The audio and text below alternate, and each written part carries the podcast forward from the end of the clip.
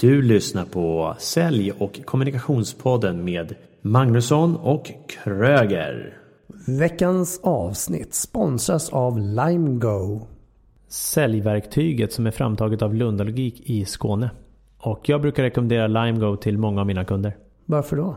För att det innehåller alla kontaktuppgifter till alla företag i Sverige. Wow, underlättar för säljaren enormt. Det gör det verkligen. Och eh, vill du testa kostnadsfritt så kan du göra det på lime-go.se gott snack.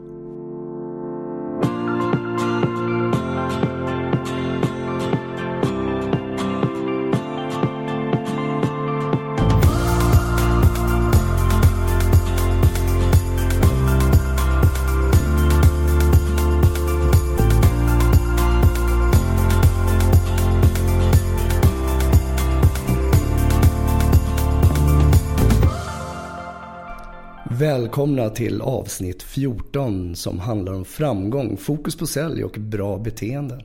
Och med den skrovliga rösten idag, jag är Mikael Kröger. Och jag är Daniel Magnusson. Och med oss i studion så har vi dagens gäst som började som mediasäljare och redan som 25-åring tjänar han närmare 2 miljoner i lön. MMA-mästare, Mobilios grundare och 2010 släppte han en jullåt som blev en succé. Och idag driver han den kända podcasten som heter Framgångspodden. Dagens gäst, varmt välkommen Alexander Pärleros. Tack så hemskt mycket. Otroligt roligt att få vara här och gästa. Kul att ha det här och eh, grattis i efterskott. I onsdags fyllde du 31 år och då blev jag nyfiken på hur känns det att bli så gammal? Nej, men det, känns, eh, det känns faktiskt eh, väldigt bra. Eh, 31 eh, känns inte som att det spelar så himla stor roll. Det, det finns ju vissa saker som är mer eh, liksom, viktiga om man säger så. 18 var ju superstort när man fick ta körkort. 20 var ju stort att man hade möjlighet att gå på systemet fast jag inte allt för ofta gör det. 30 eh, var ju stort för att då känns det som att omvärlden redan har bestämt att man ska ha ångest och ska bli gammal. 31 känns bara att det är ett totalt mellanår. Ja, härligt. Så hade du ångest då när du fyllde 30? Jo, men det, eller jo men det, det måste jag väl säga. Om, om, man skulle fråga mig om jag hade ångest skulle jag säga nej. Om man skulle, skulle man fråga min flickvän skulle hon verkligen säga att, att jag hade det. När jag väl får ångest är det mer för att jag inte ska orka göra de sakerna jag gör. Att jag själv ska se på mig själv och känna att jag bara går ner med. Um, och um, har jag gjort det eller har jag inte? Ja, det beror på helt hur man säger. Om man skulle säga min, min kroppsliga form, om man säger så här utseendemässigt, så hade jag hittills min absoluta topp 2000, 2008, 2009 skulle jag säga. Då har jag liksom, då var det, eh, ja extremt bra utseendemässig form. Men sen, men sen som sagt så tog jag även VM-brons för ett och ett halvt år sedan. Eh, och då är, alltså efter 2008-2009 så började jag träna väldigt mycket MMA. Så då har jag byggt om min kropp lite grann. Så då har man inte liksom lika beach-inspirerad kropp. Men man är jäkligt senig, seg och, och eh, ja, bra på andra grejer. Liksom. Medan innan så tränade jag väldigt mycket gym och tränade på att slipa till varenda fiber. Liksom. Så det handlar mer om funktion i det här fallet då? Ja, det, ja, det handlar ja absolut. Det, det skulle jag säga nog mer. Det, det är väl den saken som gör att jag känner att eh, åldern har en påverkan på kroppen. Jag, om, om jag skulle märka att jag börjar få lite mer ont, jag måste, liksom, alla de sakerna jag inte orkar göra lika mycket. Att jag blir tröttare, att jag kanske inte tappar hungern för saker. Och massa sådana grejer. Liksom. Man, man pratar ju själv hela dagarna om folk som kan vara väldigt trötta liksom. Eller den där personen där, ja men det där bolaget de är så jävla trötta och gamla liksom. Då menar man att de är gamla också. De har varit med länge, de är trötta, de har inte den här hungern, det här drivet längre. Och eh, där känner jag inte att jag är än. Men det är väl när jag kommer dit som jag känner att okej, okay, nu har även jag blivit äldre liksom.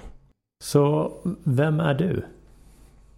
Ja, jag heter Alexander Pärleros och, och uh, har gjort jättemycket roliga saker. Lever för sälj och allt som är kopplat till det. Ehm, är eh, vegan. Eh, en stor visionär och är på jorden för att rädda världen och göra den så bra som möjligt. Man skulle kort sammanfatta det i alla fall. Ja, härligt. Och eh, du har ju åstadkommit otroligt mycket. Jag, jag är ju alltid intresserad av att titta på så, vad, är det som, vad är det som driver en sån person som dig?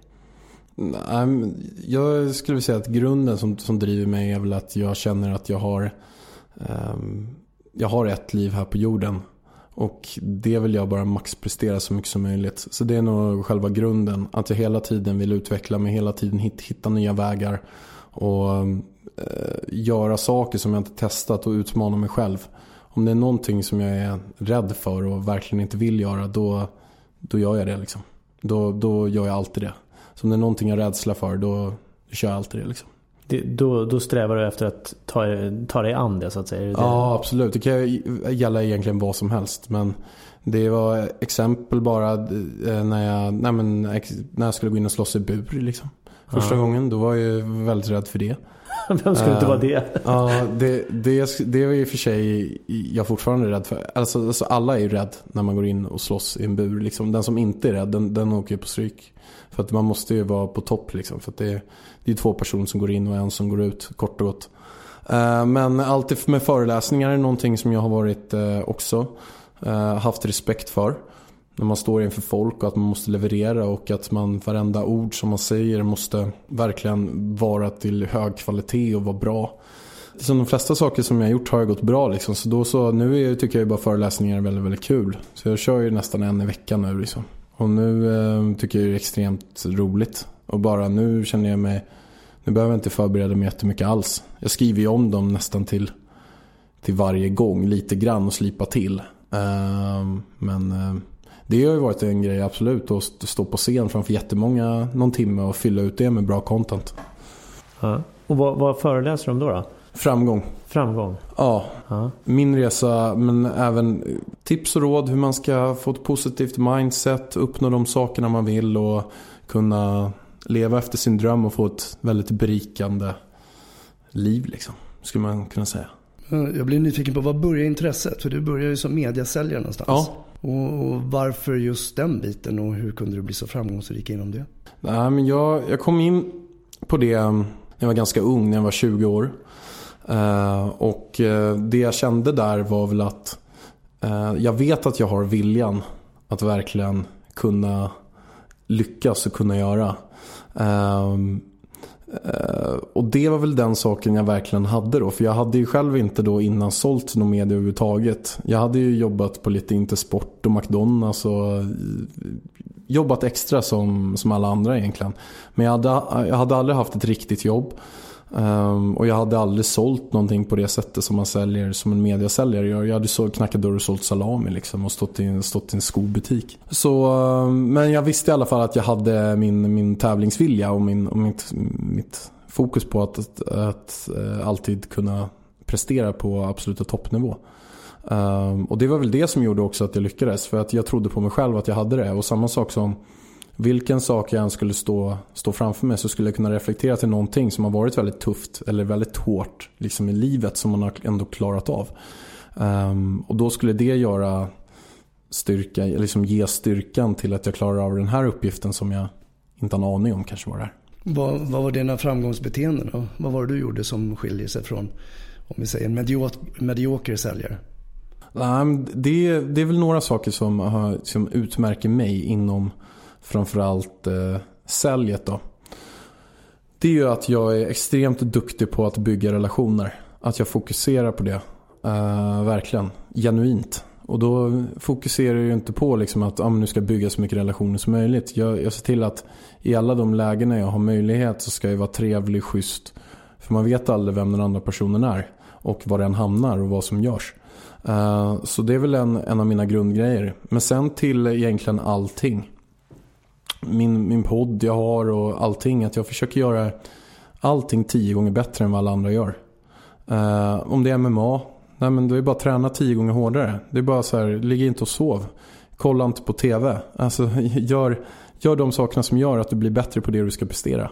Uh, och det är samma sak inom säljet. Var först på jobbet. Ring mest samtal. Boka mest möten. Gå hem sist. Om du gör de enkla sakerna då är det en bra bit på väg på att kunna vara i, möjligtvis om du också har de sociala förutsättningarna, toppskiktet. Och gör du det under tid, då vinner du över tid. Det, det är så här, och, det är för att då blir det så också, då är man ute på mest möten. Man eh, blir säkrare även på sin produkt. Man hittar mer argument. Man blir också bättre om det är en person som har 20 möten i veckan och en annan person som har 10 möten i veckan. Det är inte nog med att man dubblar förutsättningarna för att kunna göra ett avslut. Man blir också säkrare på de 20 mötena man är än den som har 10. För man, blir, man liksom utvecklas själv snabbare. Om du skulle spela tennis 20 gånger i veckan eller spela tennis 5 gånger i veckan. Det är klart att du har en mycket snabbare kurva till att bli ett, ett proffs om, om du ligger på 20 än på 5. På 5 kommer man antagligen aldrig bli ett proffs. Men på 20, ja men då är det i alla fall, då, då har du satt grunderna. Då kanske du är det. Liksom. Men du kommer aldrig bli 5. Du kommer aldrig bli bäst på fem möten på en säljorganisation om det inte är en riktig jävla sopig organisation. Men vad gör de här då? Som, jag menar, du får ju också nej, du får inte alltid ja, det tror jag inte. Nej men det är sant, absolut. Och så sitter du och matar av samtal på samtal på samtal. Och där är ju en del människor som viker av. Och vad, vad, vad ska de göra istället då? När du har fått så här liksom 17 nej i loppet av en förmiddag. Ja, loppet av en förmiddag är väl så här, men, men om de skulle få 170 nej i loppet av en och en halv månad, två månader. Ja, men då kanske de eh, ska antingen sluta eh, för att, för att de, de tycker antagligen inte det är så roligt. Eller så ger de det en och en halv månad, två månader till. Men har de gett det den tiden eh, och är uppe på 300 nej eh, och kanske något ja bara. Då, då, då kanske det är dags att de, att de kanske ska hitta något annat. För det är inte så himla roligt heller. Liksom. Men eh, alltså, alltså, alla lämpar sig heller inte för att säga som säljare. Eh, absolut inte. Vad är det man brukar säga? Att det är kanske Ja, jag kan inte de där siffrorna i huvudet men det är, det är tio som börjar som säljare och det är åtta som slutar och de här åtta vill aldrig gå tillbaka till i hela sitt liv. Liksom. Fast sen är sälja allting. Men, men eh, Verkligen. Uh, så, men men hur, hur man motiverar sig då? Nej, nej men det är, väl där, det är väl där pannbenet kommer in. Att man bestämmer sig för att nej, men jag har det här och ser tillbaka på alla positiva saker man gör och, och låter inte den här negativa dagen eller veckan påverkan i, i alla fall så liten mån det bara går. Liksom. Ja, alltså jag får ju också nej. Liksom, jag hade en tuff period i början där jag fick massa nej. Men sen när, visste jag att jag, ja, jag gick till min chef liksom och sa det att jag vet inte vad som händer. Jag gör allting, jag ringer mest, jag gör det här och ändå får ingen ja. Uh, och säljyrket är inget turyrke direkt. Det är, jag vet inte vilket yrke som är turyrke men absolut inte säljyrket i alla fall. Nej, verkligen inte. Inte man ska vara duktig på, på sikt heller. Nej. Så det lossnar efter några månader. Jag tänker ju då att du måste ha en väldigt tydlig målbild för att härda ut i, i det där fallet då när du bara får nej, nej, nej. Och trots att du jobbar så hårt. Ja, fast jag har heller inte... Um, jag har nästan aldrig varit i en situation där jag fått mycket nej, nej, nej heller. Jag har, fått, jag, jag har aldrig varit där, där jag verkligen haft det riktigt tufft på säljet. Um, så den här gången som du berättade om precis då, den, den var tuff men ändå inte nej. så tuff? Nej.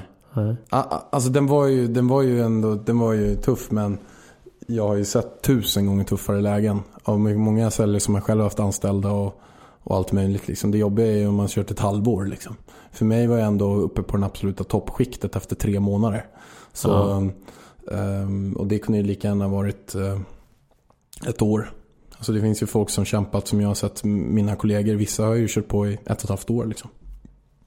Så efter det så har det ju aldrig, har det bara gått bra. Men i början så absolut där. Då, då var det ju, kändes det ju speciellt när man ehm, ja, inte eh, lyckades få in de här orderna och bara nöt, nöt, nötte på hela tiden. Mm. Men som sagt, det är där som alltså, pannbenet kommer in. Att man bestämmer sig för någonting, man tror på någonting eh, och eh, kör det fullt ut. Mm. Så om du skulle ge ditt bästa tips för den säljaren som sitter och lyssnar nu och kämpar på och känner att det börjar bli motigt?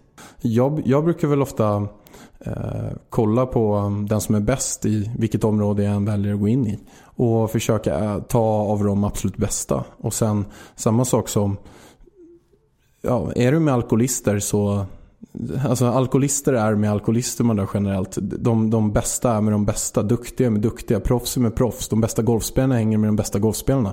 Samma sak med säljarna. De bästa säljarna hänger med de bästa säljarna.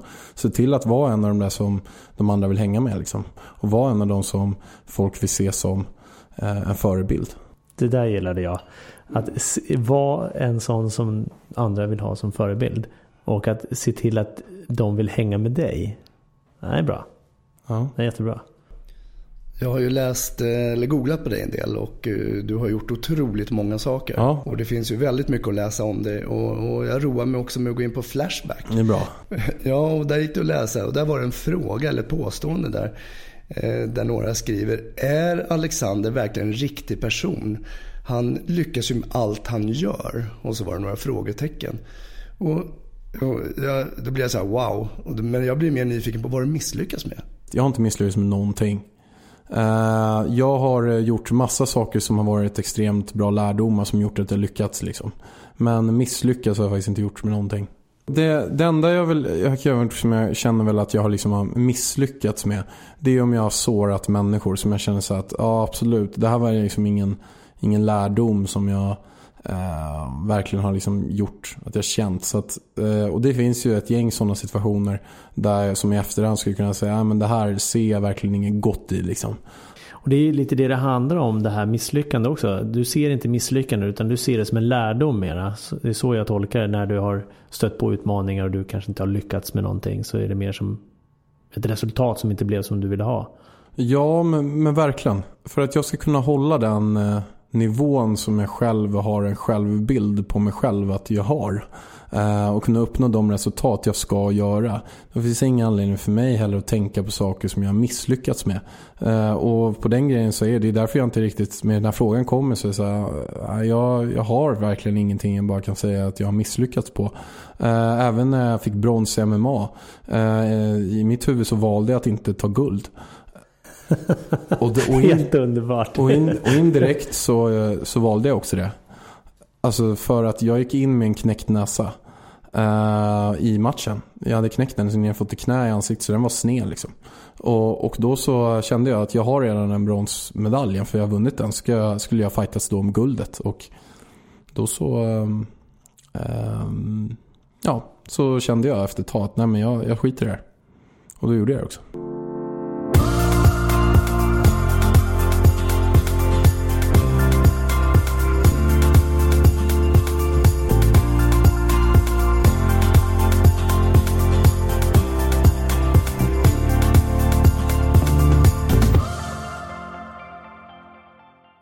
Vad fyller du på energi? Och inspiration för hålla det... Ja, motivation har du ju. Vad hittar du där? Ja, men det hittar jag nog bland de, de nya rädslorna jag har. Jag tycker väl det är bra att ha rädslor men man ska inte låta rädslorna påverka en själv. Um, att fatta några beslut baserat på rädslorna. Så där är nog att jag lyckas göra nya saker och lyckas hela tiden att klara av massa olika barriärer. Det gör ju så att jag får kraft och lyfter mig själv. Och det är någonting som jag också känner att det är väldigt starkt. Att förut så hade jag lyckats med två saker kanske. Tre saker som jag tycker så här, nej men det här är en milstolpe att jag lyckas med. Nu är det på den nivån att jag känner att ja, nu har jag ett infanteri med saker jag verkligen har lyckats med. Och det gör också att jag själv har en självsäkerhet. För att, att jag kan komma in i egentligen alla olika lägen och känna att jag har koll på läget och känna att jag kan prata med vem som helst och få respekt av ja, de flesta. Och jag känner att jag har självförtroendet i det. Um, och det är ju för att jag har hela mitt bagage bakom. Att jag vet att jag har gjort det här och det här och det här och det här. Och när jag lämnade min säljkarriär uh, eh, på SBS Radio och började köra eget så är jag övertygad om att flera tänkte att nej men Alexander har gjort det där och där. Nu ska han köra eget, får se hur det går. Um, men, um, du menar att de tänkte lite negativt sådär då? Jag kan tänka mig att folk tänkte negativt. Ja. Uh, uh, lite grann i alla fall. Ja, vi får väl se hur det går. ja, men ja. precis. Det har jag fått lite tendenser kring. Och då var ju min drivkraft då att verkligen visa att jag klarar av att göra det. Alltså en pusselbit i allting har faktiskt varit min MMA. Det har varit att jag har satt en, en stor pusselbit i, i mig själv som person. Och det har ju varit att det är så pass, det är så pass liksom grövre än så blir det inte. Även om jag sitter i ett affärsmöte eller det eller lyckas med det eller nu sålt bolag eller vad jag nu har gjort så eh, det går, det går inte att jämföra med att gå in i en bur och slåss med en annan människa och det är liksom kort och gott en person som går ut. Ja. Och, och då genom att jag gick, klev in i det presterade, ändå vunnit eh, liksom SM i, i shootfighting och ett MMA-brons och slagits med stora grabbar kände jag att jag har en pusselbit av trygghet eh, ännu mer på plats. Eh, och det är ju en av de här urinstinkterna att, att slåss och de här bitarna som alla människor med strid man, man har i sig. Och då att få den biten på plats gjorde att jag kände ett, också ett helt annat lugn i mig själv. Så du är ju lite så här Stålmannen, stark, stor, slåss MMA. Och så är du lite av den där mjukisen också. Varför skrev du en julsång? 2010 kom du med jul, jul, jul. Ja, ja men det var ju en... Eh, det var faktiskt inte svårare än så att jag kände att jag verkligen ville ha en jullåt. Och... Eh, en julplåga, eller? Ja, det, det, det, hade ju varit drömmen att göra en triad. Ja. Eh, Tänd ett ljus. Ja, men men det, det blev ju inte riktigt så tyvärr. Den fick jag ganska mycket skit för eh, att jag gjorde. Eh, så, men å andra sidan så nu är, jag, jag ska, om, man skulle fråga mig, om man skulle fråga mig tre år efter. Så här, men, men eh, ångrar att du gjorde det här så skulle jag nog eventuellt svarat eh, ja på den. Och nu i efterhand, nej men nu ångrar jag inte att jag gjorde det. Men eh, det som var med den var att eh, jag försökte verkligen, som allting, göra den så bra som möjligt. Eh, och det var en, otroligt dålig låt. Min sångröst var det inget fel på men, men själva låtskrivaren han gjorde ett eh, förargligt dåligt jobb. Eh, det finns ju också en hel del bilder på dig faktiskt på mm. nätet och det har du säkert sett själv. Ja. Eh, men jag kan ju få tolkningen av att du har hängt en hel del på Stureplan. Ja. Det blir så här wow, du har hängt på Stureplan och så är det massa bilder runt om och så har du också på tränat väldigt hårt och vad jag förstår så dricker du knappt någon alkohol överhuvudtaget. Nej, jag, är, jag dricker en gång om året ungefär. Okej. Okay. Är det när du lyssnar på jullåten? Ja, precis. Precis, då gick jag tomteglögg. Men var det mycket Stureplan när du, när du var framgångsrik och säljare och växte upp här och företagen? Och... Jo, men det är absolut. Det har jag varit. Jag har ju drivit eh, Café Opera och Pure och med att starta upp Grodan och sådär. Så jag har ju, jag har ju varit ute mycket. Eh, men framförallt har jag varit ute på att jag har drivit eh, eh och jobbat på olika nattklubbar liksom. För du har en rätt brokig bakgrund och liksom säljare och hängt på Stureplan och driver klubbar och startat företag och MMA-mästare då. Men jag tänkte så här, varför grundade du Mobilio? Vad menar du med brokig? Att du, att du är mångfacetterad, så du har gjort många saker. Mm. Det är inte säkert glasklart att du vaknar upp och så skulle bli säljare och sen entreprenör, egenföretagare och dra iväg. Utan mm. du har ju hunnit med att prova en hel del saker mm. som är en entreprenör egentligen. Mm. Ja, för min del har det varit rätt, har jag haft det som mål hela tiden. Men sen så har jag alla sakerna runt omkring har ju, har ju bara varit en, en väg till att gå dit. Liksom. Uh, utelivet. Uh, så att jag har ju varit nykter. Jag har ju inte, jag har nog varit Stureplans eller nattklubbarnas absolut sämsta kund. Jag, eh, jag, jag har ju bara, det ser man också på, på vissa bilder, att jag har ju bara en Ramlösa. För min del där har ju varit mycket nätverkande också. Det var väl en sak jag kände att det var väldigt bra. För jag träffade otroligt mycket folk. Och det är samma sak som med relationer som jag var inne på förut. Att det är en av mina absoluta nycklar. Det är några nycklar jag har och det är drivkraft. Eh, som, som att jag verkligen går in för de sakerna jag, jag väljer att göra. Eh, och sen är det ju att jag har ett väldigt starkt kontaktnät och jobbar på det exakt hela tiden.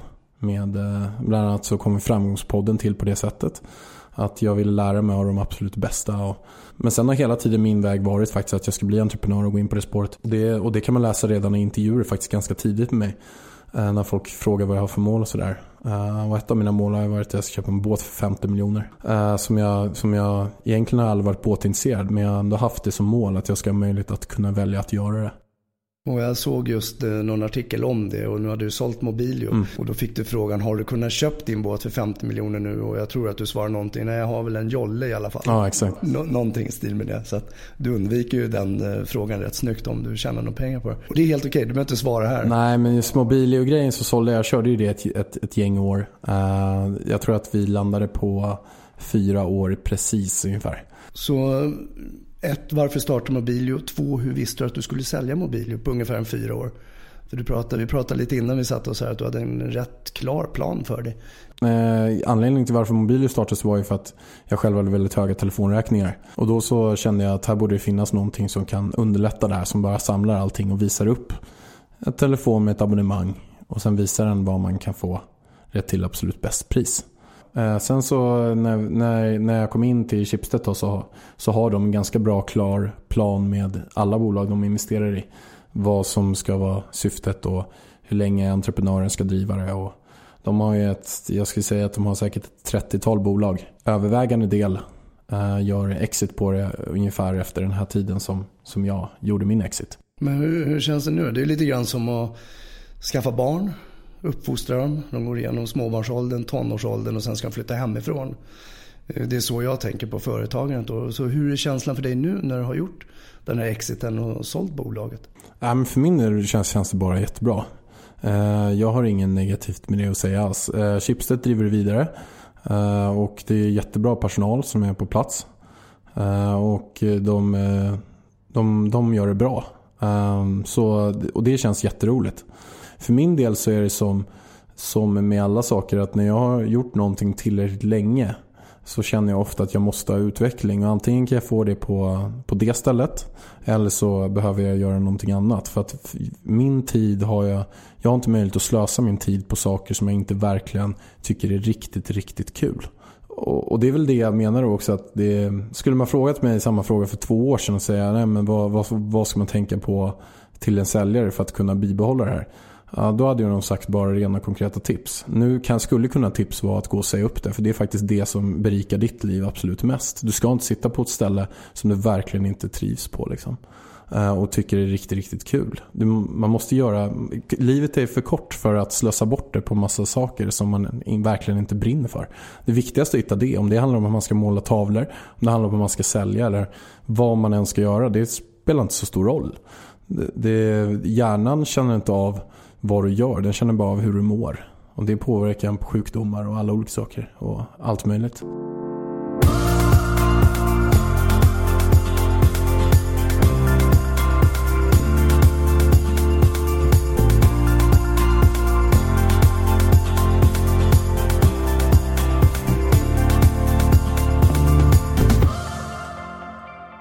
Har du stjärnstatus? Jag, jag, skulle aldrig gå runt och säga att jag har stjärnstatus. Men det jag skulle kunna gå runt och säga är att jag har uppnått så pass mycket olika saker, eller sak, beroende på att jag känner att jag är en inspiration och en förebild för andra.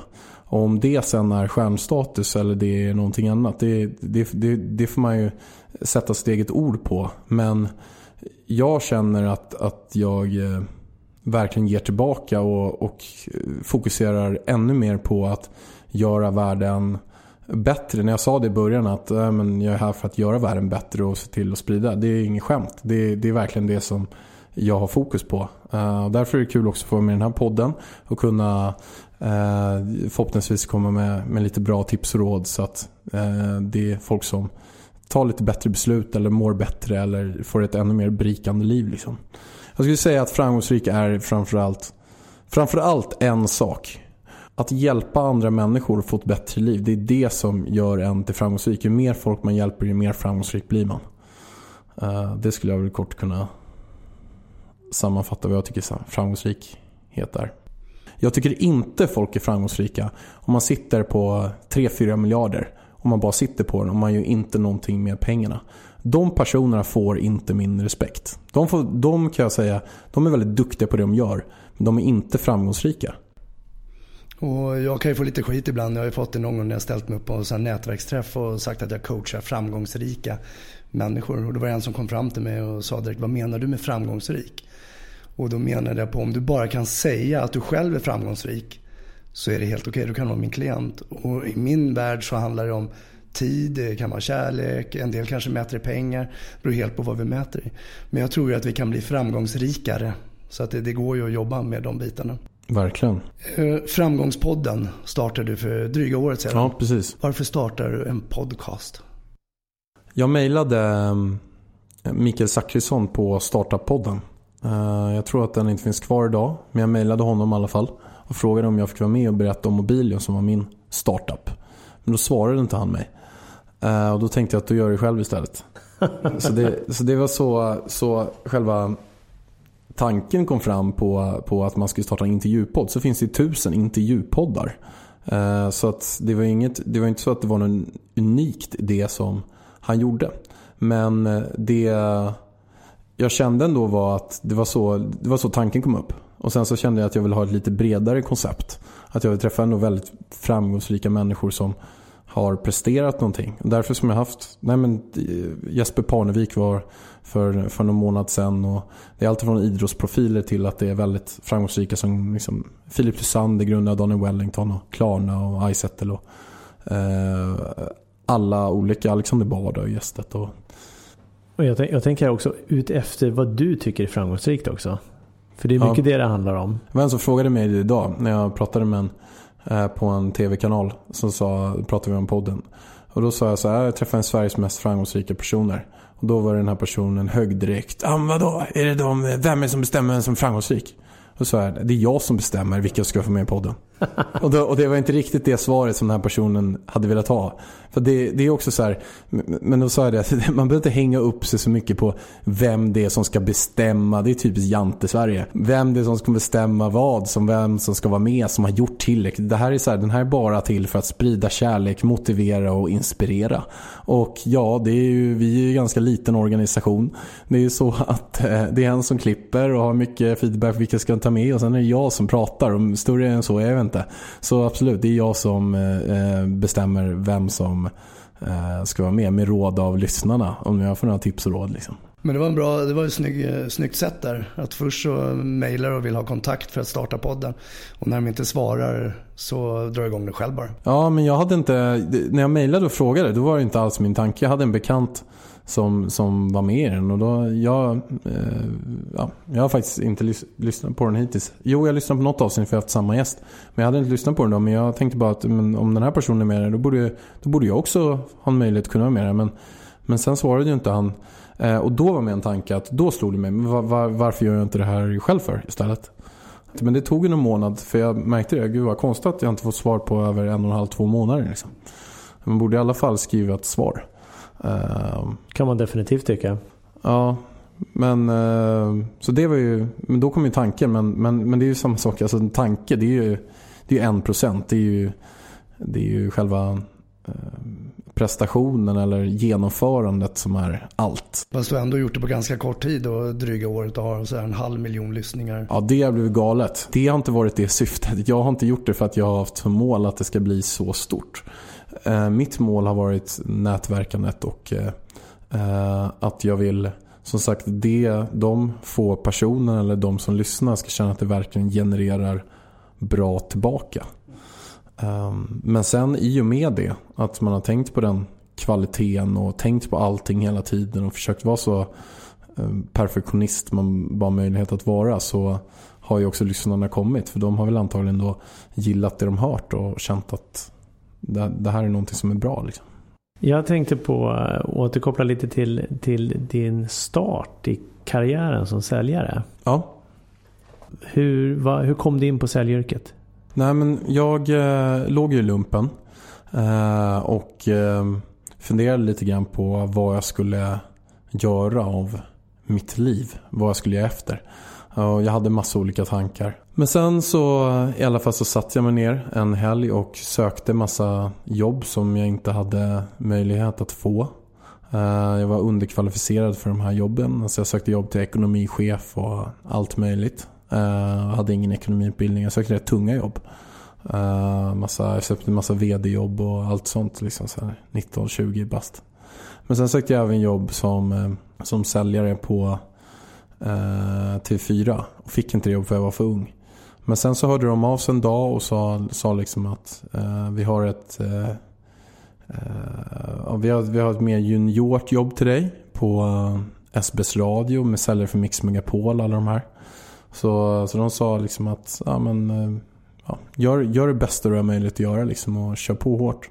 Och sen så eh, ja, fick jag jobbet, kom in där och eh, eh hade de första två, tre månaderna två månader skulle jag säga rätt, rätt tufft i mitt, min, vi började två stycken samtidigt och då var det en annan som hade det eller, eller hon, det, lyck, det, det, lyckades väldigt bra för henne. Hon sålde ganska mycket direkt. Uh, och jag hade en lite längre startsträcka.